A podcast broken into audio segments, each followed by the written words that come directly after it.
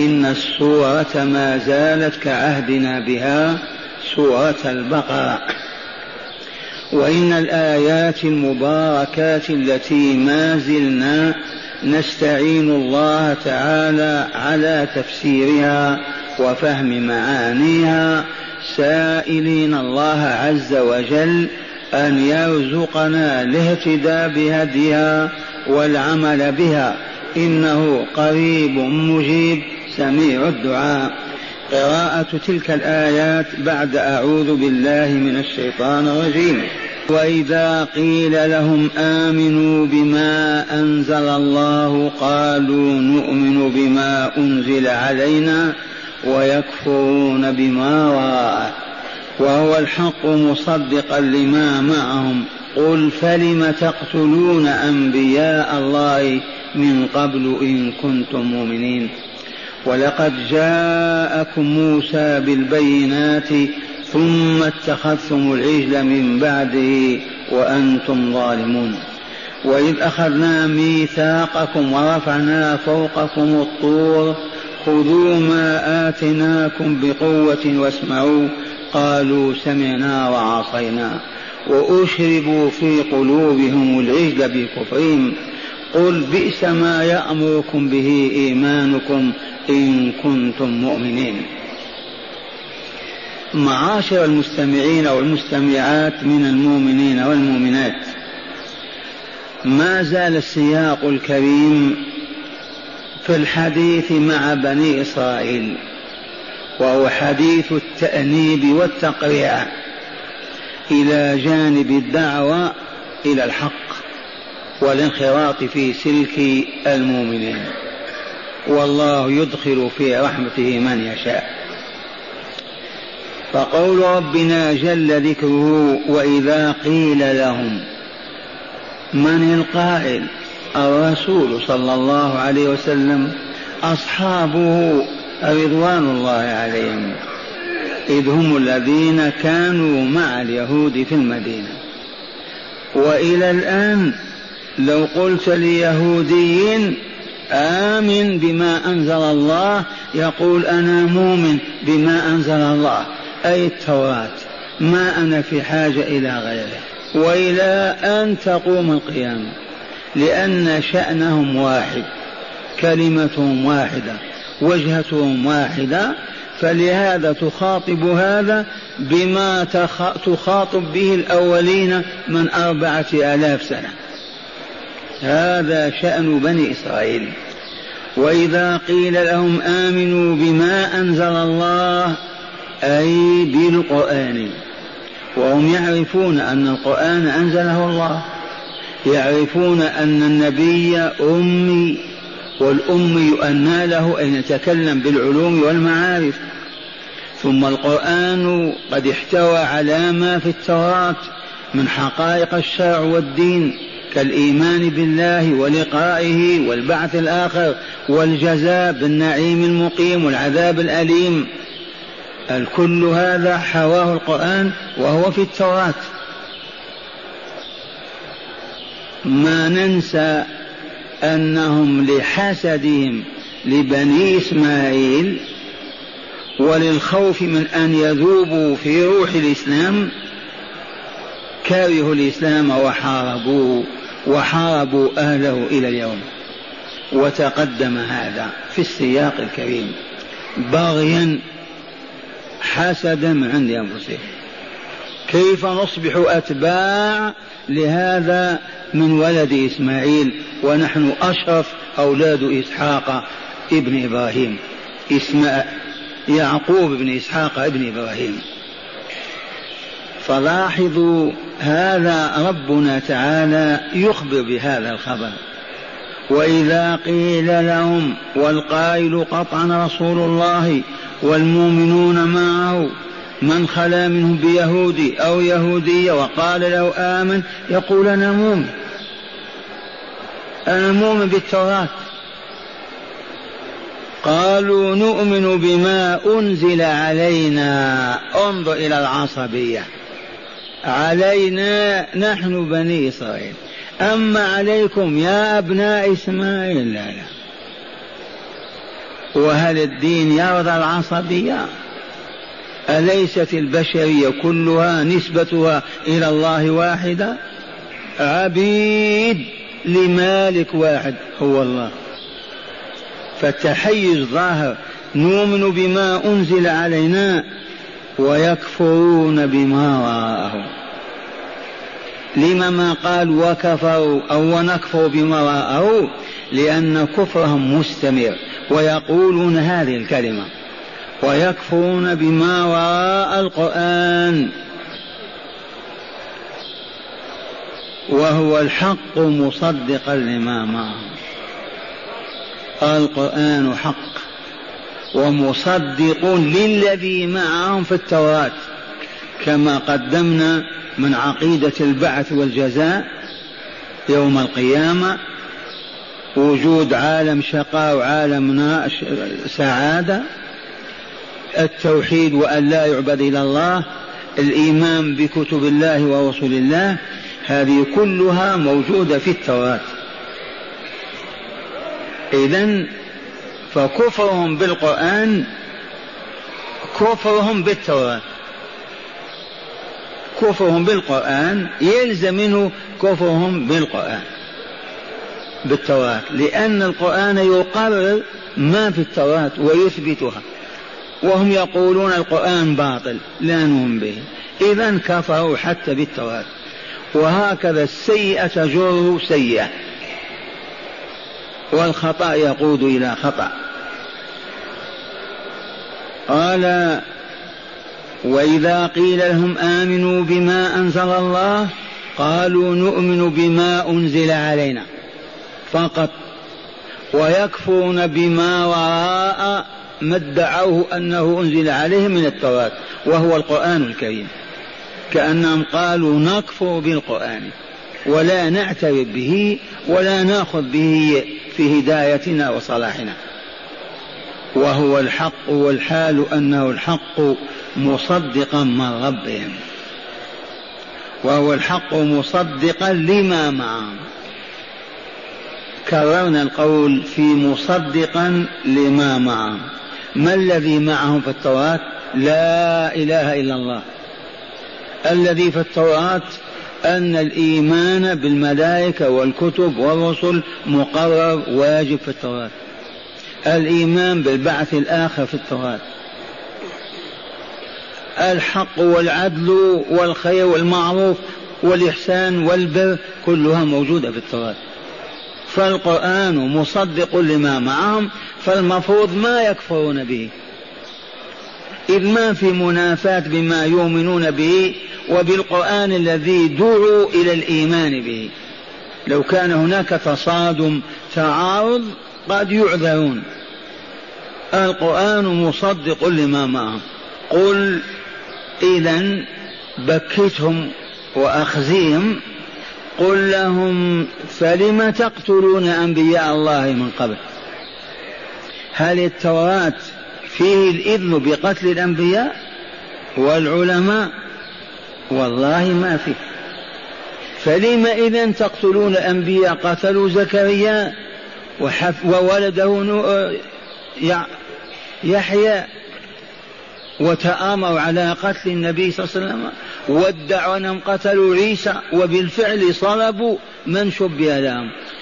بل ورد عن النبي صلى الله عليه وسلم أنهم في بعض الأيام يقتلون سبعين نبيا. وفي المساء أسواقهم قائمة للبيع والشراء. كأن شيء ما وقع. إذا فلم تقتلون أنبياء الله من قبل؟ هم يعترفون بأنهم قتلوا عيسى لأنه ساحر وإلا كذا وكذا. وقتلوا زكريا وقتلوا يحيى وقتلوا غيرهم. فهل الإيمان الحق بكتاب الله التوراة النورانية يسمح بقتل الأنبياء. إذا ما أنتم بالمؤمنين بالتوراة. وحقا هم كفار بالقرآن وبالتوراة. لأن الإيمان الصوري مؤمنون بالتوراة. لكن هل صدقتم الله فيما جاء فيها؟ هل امتثلتم أوامر الله في التوراة؟ هل امتثلتم نواهي الله فاجتنبتموها في التوراة؟ إذا ما معنى هذا الإيمان بالتوراة؟ هذا هو التقريع والتوبيخ. قل لهم يا رسولنا لم تقتلون أنبياء الله من قبل؟ فلم تقتلون أنبياء الله من قبل إن كنتم مؤمنين؟ والآن جولة أخرى أيضا معهم. قال تعالى ولقد جاءكم موسى بالبينات لك أن تقول قل يا رسولنا لهم ولقد جاءكم موسى بالبينات أي المعجزات العجب. معجزات موسى عليه السلام تسع آيات. أولى تلك الآيات أن العصا تستحيل إلى حية تهتز كأنها جان. وأما يوم المباراة العظمى تلك العصا التي ابتلعت وتلقفت كل ما ألقاه السحر في تلك الساحة من الثعابين والحيات تلقفت بكاملها. يده يدخلها في جيبه ويخرجها بيضاء كأنها والله فلقة قمر. أعظم آية شاهدوها في صالحهم. هذه مع فرعون. انفلاق البحر. كونه يضرب البحر الأحمر بعصاه بسم الله فينفلق اثني عشر فلقة. اثنتا عشر طريقة. كل قبيلة تسلك طريقة. أية آية أعظم من هذه؟ الحجر الذي يحملونه معهم. يضربه بعصاه فتتفجر منه اثنتا عشرة عينا. حتى لا يصطدم بعضهم ببعض. كل قبيلة تشرب من عينها الخاصة. هل هذه الآيات وغيرها جاءتكم آمنتم؟ هذا هو التقريع التوبيخ التأنيب ولكن من لم يشأ الله هدايته ما اهتدى ولقد جاءكم موسى بالبينات ثم اتخذتم العجل من بعده وأنتم ظالمون. بعدما خرجوا من البحر ونجوا من فرعون وحكمه ونزلوا بالساحل موسى عليه السلام كما عرفتم استدعي إلى جبل الطور لمناجاة الله تعالى. بل ذهب ليأتي بالدستور الذي يحكم به بني إسرائيل. هذه الجملة الحمد لله كررناها مئات المرات. لعلها تنقل إلى العرب والمسلمين لكن ما في نقل. ما هي؟ لما استقل بنو إسرائيل. كيف استقلوا يا شيخ؟ ما كانوا محكومين بحكم فرعون دهرا طويلا. فلما خرج بهم موسى بعد أن ظهر فرعون وقهر هو وخرج بهم فنزلوا على الساحل. كيف يحكمهم موسى؟ ما هو الدستور؟ ما هو القانون؟ إذا قال اجلسوا. أنا أذهب إلى ربي وآتيكم بالدستور. تأكدتم من هذه؟ والله كما تسمعون. ونحن نقول لإخواننا المسلمين لما يستقل الإقليم من هولندا أو بريطانيا أو فرنسا هل بلغكم أن إقليما استقل؟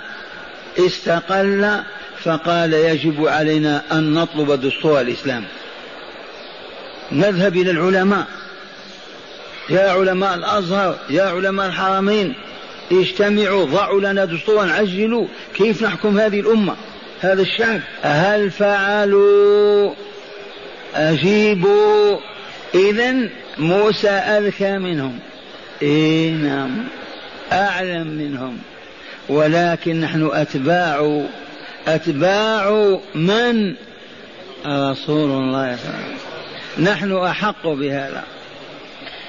ولكن إلى الآن ما اجتمع علماء في بلد وقالوا لا بد من وضع دستور إسلامي.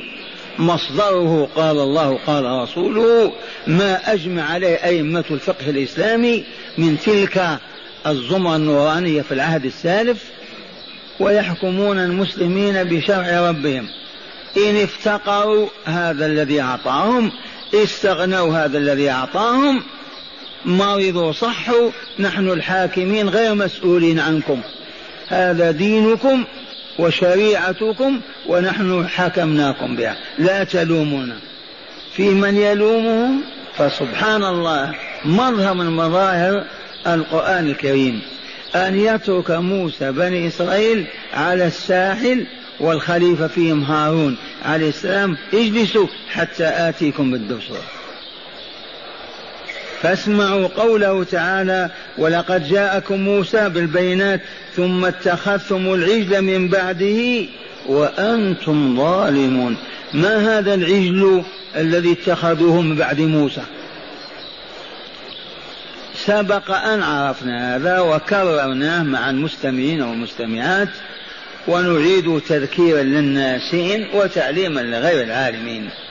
كان بينهم رجل وما من حق أن نقول رجل أبدا ممسوخ هو السامري فجاء إلى نساء بني إسرائيل وقال هذا الحلي الذي عندكم هذا حلي الأقباط القبطيات ولا يبعد أن نساء بني إسرائيل لما أعلمنا بالرحيل والخروج من مصر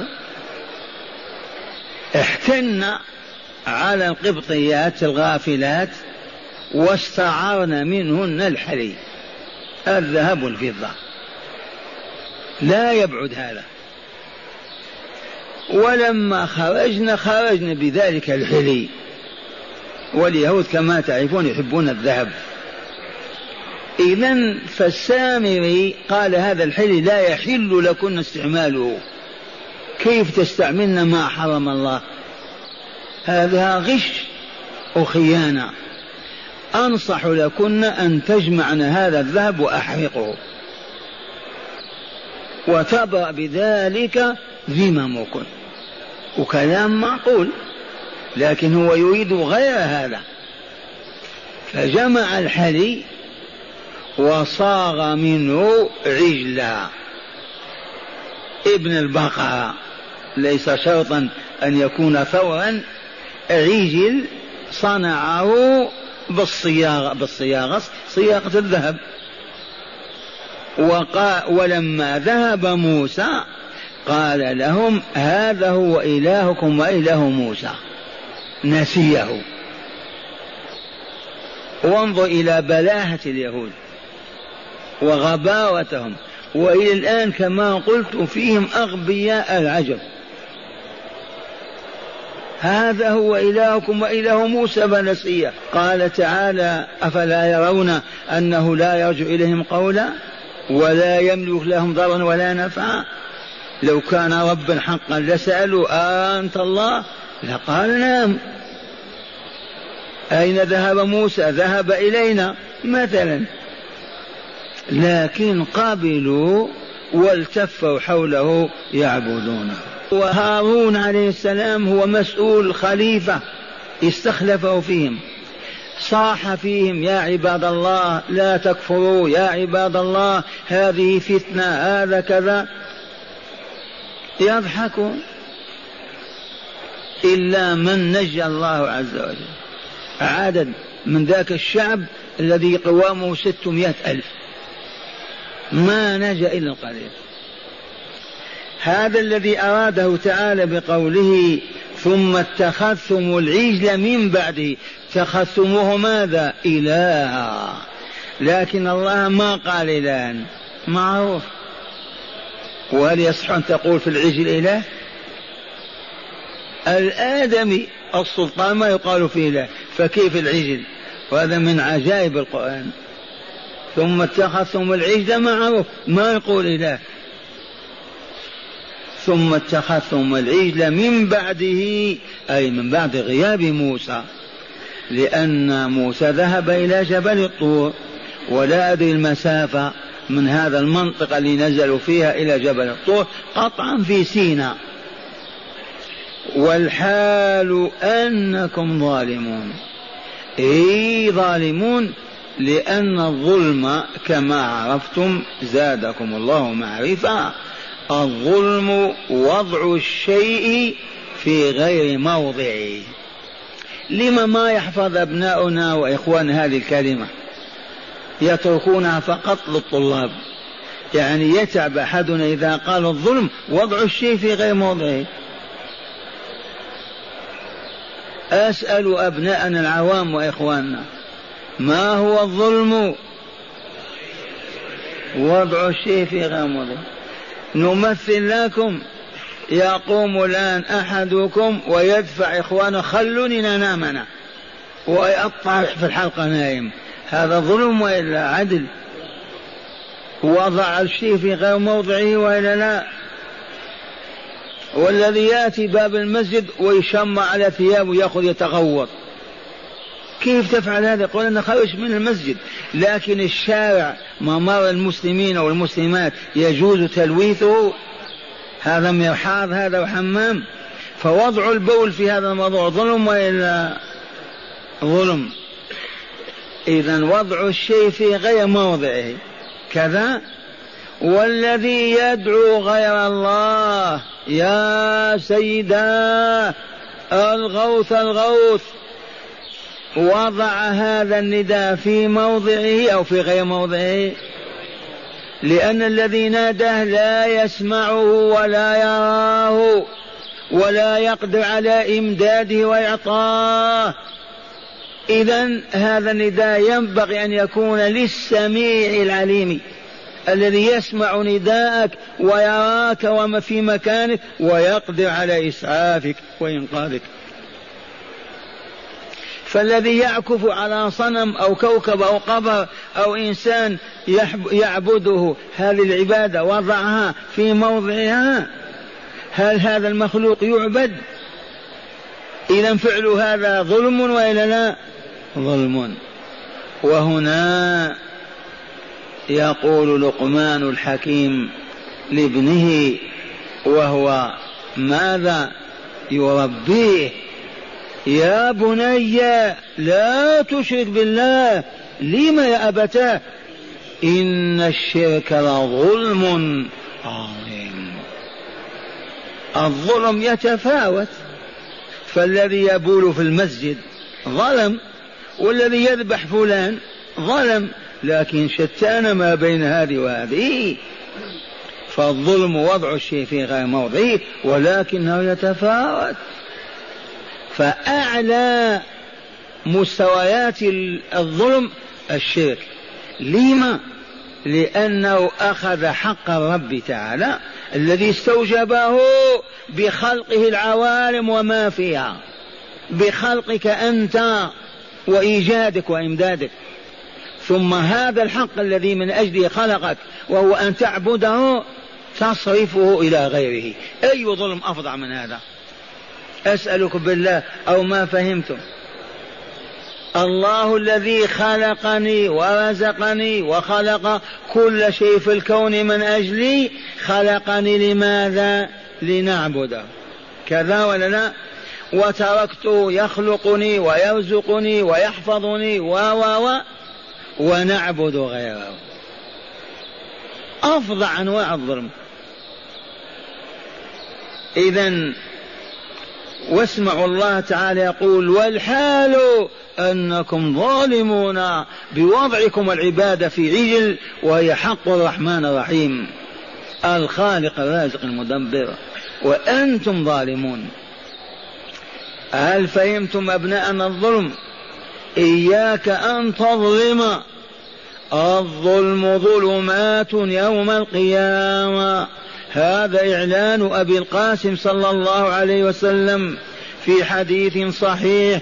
اتقوا الظلم فإن الظلم ظلمات يوم القيامة. واتقوا الشح فإن الشح أهلك من كان قبلكم وحملهم على سفك دمائهم واستحلال حرماتهم.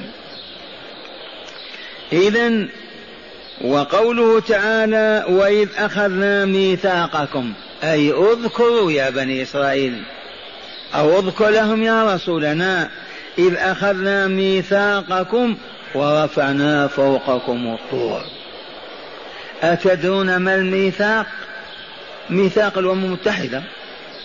الميثاق هو العقد الموثق بالأيمان حبل متين. من أخذ ميثاق اليهود؟ الله عز وجل. وإذ أخذنا ميثاقكم بأن لا تعبدوا إلا الله بأن تحلوا ما حرم الله وتحلوا ما حرم الله بأن تطيعوا موسى وأنبياء الله. عهد وميثاق أن يعبدوا الله بما شرع لهم وكلفهم به. قال ورفعنا فوقكم الطور. الطور جبل والله لا جبل. بسينا. ما رفعوا عليهم أجمعين. ولا الذين في المدينة والزمان ثلاثة آلاف سنة. وإنما كما قلت وعلمتم أنهم نحلة ملة واحدة. يواخذون بكلهم. ذنب أحدهم اليوم يواخذ به الأولون. والأولون يواخذ بذنوبهم لأنهم على عقيدة واحدة. هذه القضية هي أن موسى عليه السلام لما وقعت فتنة عبادة العجل وتورطوا وجاء موسى وصاح فيهم ووبخهم قرعهم وتابوا وندموا وكما عرفتم موسى قام كالأسد فأخذ العجل وأحرقه ثم برده بالمبارد نشره حتى أصبح ترابا وذره في البحر. حتى ما يبقى آثار للعجل تتعلق به قلوبهم. إذا هنا اختار منهم أربعين رجلا أو سبعين. سبعين. اختار منهم سبعين رجلا من خيارهم. يذهب بهم إلى الله عز وجل ليكلمه في جبل الطور ويطلب التوبة. لهؤلاء الذين زلت أقدامهم. وهؤلاء يمثلون الشعب الإسرائيلي. فلما وصلوا سمعوا كلام الله. ما ارتضوا. قالوا نريد أن نرى وجهه. قل له يرينا وجهه. إذا وعرض عليهم تحمل المسؤولية فرفضوا. فما كان من الله تعالى إلا أن رفع الجبل فوق رؤوسهم نقضه من أسفل ورفعه كالسحابة. هيا خذوا تعهدوا التزموا. وكما عرفتم خروا ساجدين سجدة إلى الآن يفضلونها على الذهب وهي أنهم سجدوا على خدهم الأيمن أو الأيسر وتركوا الآخر ينظرون إلى الجبل من جبنهم وخوفهم. الآن يسجدون في بيعهم أي مساجدهم هذه السجدة. إذا والتزموا باللسان قالوا سمعنا وعصوا هذا ما أخبر تعالى به عنهم في هذا السياق وإذ أخذنا ميثاقكم.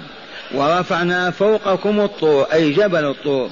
وقلنا لكم خذوا ما آتناكم بقوة واسمعوا بمعنى أطيعوا فلان ما يسمع لي أي ما يطيعني ليس من السماع بالأذن. خذوا ما آتيناكم هذه التوراة فيها حكم الله فيها شرائع الله فيها ما تقوم به الحياة فيها ما تكملون وتسعدون عليه التزموا. من سورة الأعراف وإذ نتقنا الجبل فوقهم كأنه ظلة وظنوا أنه واقع بهم. خذوا ما آتيناكم بقوة واذكروا ما فيه لعلكم تتقون. أعطوا عهدا وهم تحت الحجر أو تحت الجبل ثم نقضوه كأن لم يكن شيء والعياذ بالله. فهم أنقذوا الخلق للعهود. ونعود للسياسة. منذ أربعين سنة ونحن نقول للعرب يا عرب عاهدوا اليهود. وإن كان هذا الكلام ما يعرفه إلا العقلاء.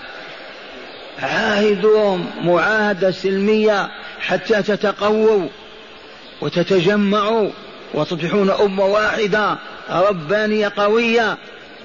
ولا تقولوا إذا كيف ننقض عهد الله؟ لا لا لا. والله لا ينقضونه لكم.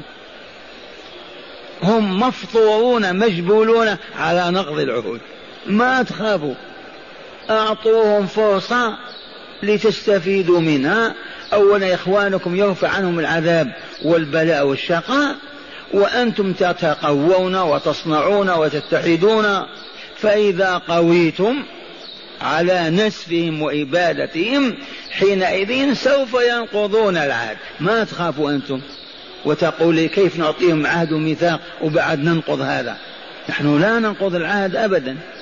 إذا عاهدنا نموت لكن سوف يكون العدو هو الذي ينقضه. وذلكم لأن الله تعالى قال كلما عاهدوا عهدا نبذه فريق منهم. هذا شأنهم. فانظر كيف رفع الجبل فوقهم وأعطوا عهود الله ومواثيق أن يفعلوا بما في التوراة وما هي إلا أن خرجوا وإذا بهم يحلون ويحرمون ويعطلون بما تقول أهواهم وشهواتهم. إذا وإذ أخذنا ميثاقكم ورفعنا فوقكم الطور خذوا أي وقلنا لكم خذوا ما آتيناكم بقوة واسمعوا. قالوا سمعنا وعصينا. ما يقولون هكذا سمعنا سمعنا وعصوا. أمرهم مفروغ منه. سمعنا وعصينا. وأشربوا في قلوبهم العجل وأشربوا في قلوبهم العجل بكفرهم. ما معنى أشربوه؟ تغلغل حب العجل في نفوسهم. كما يشرب الثوب الماء ويدخل في كل جزئياته. أي عجل هذا؟ هذا ابن بقرة؟ لا لا. هذا العجل الذي صنعه الحداد أو الصائغ السامري.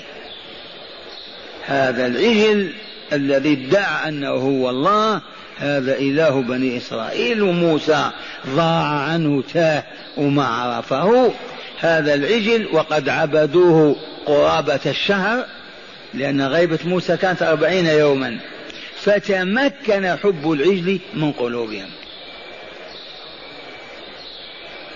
يا شيخ هل هذا صحيح؟ ما تسأل. نسأل الذين يشربون الشيشة والأفيون و هل تمكن حب من قلوبهم ولا لا؟ من قال لا فليرمي بالسجارة خارج المسجد. أزيد وإلا لا؟ ذي سنن الله في الخلق. فالذي عرف أن هذا باطل ومنكر ثم فعله واستمر يفعله سوف يأتي طابع خاص به يصبح لا يتحول عنه أبدا. فتلك النظرة وتلك الالتفافة وذلك الاجتماع حول العجل يصرخون وينادون ويرقصون. نعم حفلات. حتى قيل وهو حق أن حفلات المتصوفة مأخوذة من هذه الحفلات اليهودية. تعرفون حفلات المتصوفة ولا لا؟ ما إخواننا ما يعرفون. الرقص الرقص حتى تصعق المرأة كذا وهم يستغيثون بالأولياء وكذا ويقولوا هذه عبادة. مأخوذة عن بني إسرائيل عبدة العجل في مكة وبقيت عند اليهود أيضا. والشاهد في قوله تعالى وأشربوا في قلوبهم حب العجل عجل الذهب. فلهذا الآن من هو الشعب أو الأمة التي لا تعرف أبدا إلا الذهب؟ اليهود هم الذين أسسوا البنوك وإلا لا؟ والله لهم مؤسسها. مع العلم أن الله عز وجل حرم عليهم الربا. في التوراة بصراحة اللفظ ووضوحه وندد القرآن بهم واستحلوا الربا بعد علمهم بحرمته. ولكن قد يعذرون لأنهم يريدون أن يحققوا أملهم في مملكة بني إسرائيل. فكيف الوصول إليها وهم شعب شعب لا يعادلون سكان القاهرة وإلى باريس. خمس ملايين فقط. كيف يحكمون العالم؟ إذا لا بد من استعمال وسائل من شأن أن تخضع العالم لهم. فاستعملوا أولا السحر. وكثيرا ما أقول بدون علم. أنا متوقع ولا تقول الشيخ جازم أنهم يسحرون بعض الساسة والمسؤولين في العالم الإسلامي. لأنهم متنكرون تابعية أو جواز فرنسي سويسري أمريكاني ويجتمعون في اجتماعات الأمم المتحدة. ممكن يكلفون واحد يصب الشاي وإلى القهوة ويجعل فيها. ممكن هم أهل السحر. والسحر ما هو؟ ما هو تحويل القلب من كرهه إلى حبه. كما يكره الرجل امرأته. موجودة ولا لا؟ والمرأة تكره الرجل. فهم أيضا سحروا الناس من الأوروبيين وغيرهم وجعلوهم يحبونهم على الأقل لا يسبون ولا يشتمون ولا يتغيظون. ولا ولا ولا ولا. هذا حاصل وإلا لا؟ ما يبعد أنا أقول. ثانيا المال الدينار والدرهم. فعرفوا أن العالم يخضع لسلطان المادة والمال. فابتكروا فكرة البنوك وأسسوها ووضعوها وهم قائمون عليها في الشرق والغرب. انتبهتم؟ فضربوا العالم ضربة ما لها نظير. وإن كان السامعون ما يفهمون هذا أفهمكم والحمد لله. تعرفون محنة الربا وإلا لا؟ الربا إذا شاع وأصبح من مبادئنا ومن سياستنا السياسية والاجتماعية هو الذي يقضي على المحبة والألفة والأخوة والولاء بين المسلمين. لو فعلوا من السحر ما فعلوا.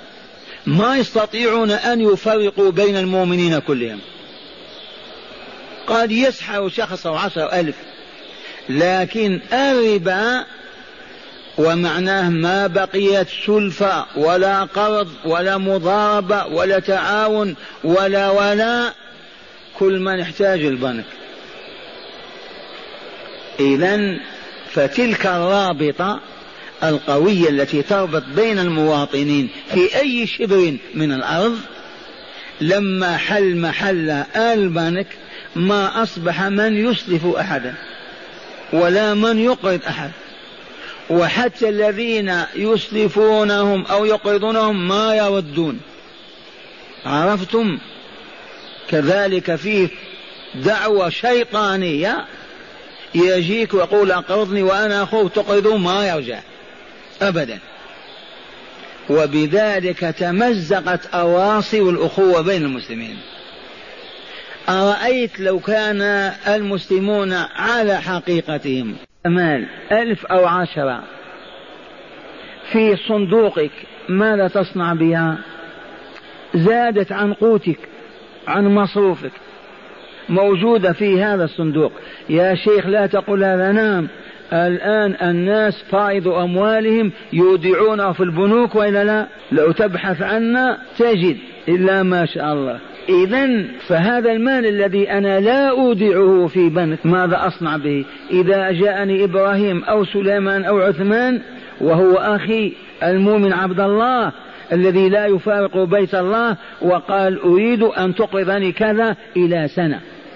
والله لا يفرحن المؤمن. الحمد لله. يحصل على أجر أعظم من أجر الصدقة. واستراح من ذلك المال الذي مودع في صندوقه. وانتفع به أخوه. وهذا الأخ هذا يعيش ليل نهار يحافظ على عهده وميثاقه. ما إن يحين الحين وتدق الساعة إلا وهو يقع الباب. هذا مالك يا أخي. انظر إلى الصلة كيف تمتن وتتقوى. ترغب أن ينمو مالك. يأتيك أخوك الحاذق اللبيب الفطن المتعود الصابر الصادق يقول نريد أن أفتح متجر. أعطيني هذا الذي عندك لما يبقى هكذا. ولك ربح هو نصف الربح أو ثلثه. والله لا يفرحن المؤمن ويبتسم ويقول الحمد لله. لما يبقى هذا المال مدفون عندي أو مودع في البنك لا قدر الله. ويعطيه ويبارك الله فيه وينفعه وينفع نفسه. هذا الآن انتهى عرفتم وإلا لا؟ فأصبحنا كما تعرف الذين لهم أموال في البنوك ولا قرض ولا سلفة وهبطنا من أقرضته لله ما يرد أو يماطلك. انتبهتم؟ وتقطع صلات الأخوة الإسلامية بيننا. ما سببها؟ البنوك الربا. ثم أنا أعجب من هذا الصوت كل بلاد العالم الإسلامي الخطباء والمدرسون والكل لا يوجد واحد يقول يا مسلمون تعاملوا بالربا تكسبون المال وتعظم ثروتكم. والله ما قال واحد لا في العجم ولا في العرب ولا ولا. كيف وقعنا هكذا؟ من يعلل لنا هذه الظاهرة؟ لو كان هناك فتاوى آذنة وأباحت نعذر الله غالب قالت العلماء لكن ما في. إذا كيف نعرف هذا؟ ونعصي الله ونفسق عن أمره ونخرج عن طاعته ونتحداه ونرابي مع المرابين. الجواب عندنا لأننا أعرضنا عن الله فأعرض الله عنه. عيشوا كما تريدون. وأشربوا في قلوبهم العجل اسمع بكفرهم. هذه الباء هذه هذه هيدروجين هذه الباء هي باء السبب. وأشربوا في قلوبهم العجل أي حب العجل بسبب ماذا؟ بكفرهم. إذ لو كانوا مؤمنين موقنين ربانيين والله ما أحبوا العجل ولا عبدوه أرأيتم السبب؟ الآن نقول الذين يعلمون ويرتمون في الربا ما سبب هذا؟ والله لكفرهم بشرائع الله وتعاليمه. ما عرفوا ما أيقنوا ما كل من قال مؤمن مؤمن. الإيمان نور في القلب طاقة. تجعل المؤمن حيا يسمع ويبصر ويعطي ويمنع. فإذا انهز ذاك الإيمان وتحلل وتخلل وأصبح ضعيفا كالذي يؤمن ببعض ويكفر ببعض ما ينتفع به. سمعتم الآية ولا لا وأشربوا في قلوبهم العجل بسبب ماذا؟ بكفرهم. الباب لماذا باب السببية. لما كفروا نعم الله عليهم كفروا رسالاته ورسله كفروا لقاءه تنكروا له غطوه جحدوه. حصل هذا بكفرهم. وأخيرا يوجه الله تعالى لرسوله هذا الأمر. يقول لهم قل يا رسولنا أيها المبلغ عنا قل بئس ما يأمركم به إيمانكم. إذا كان إيمانكم يأمركم بالربا وقتل الأنبياء وعبادة دون الله بئس الإيمان هذا. قبحه وإلا لا بئس ما يأمركم بإيمانكم إن كنتم مؤمنين. كما تزعمون وتدعون. ما أحوج المسلمين إلى هذه الآيات أن يجتمعوا عليها ويقرؤوها ويتفهموها هذا من باب إياك أعني واسمع يا جارا إذا كان بنو عمنا تورطوا هبطوا ولعنوا واحترقوا والقرآن يذكر ما أنزل الله بهم. أليس هذا معنى إياكم أن تسلكوا مسالكهم؟ إياكم أن تمشوا في طريقهم. إياكم أن تقفوا مواقفهم. فإنكم تهلكون كما هلكوا. مؤمن أعطاني هذه الورقة وهو يتألم يقول هذا الكاتب في جريدة صوت المرأة عورة خرافة شائعة.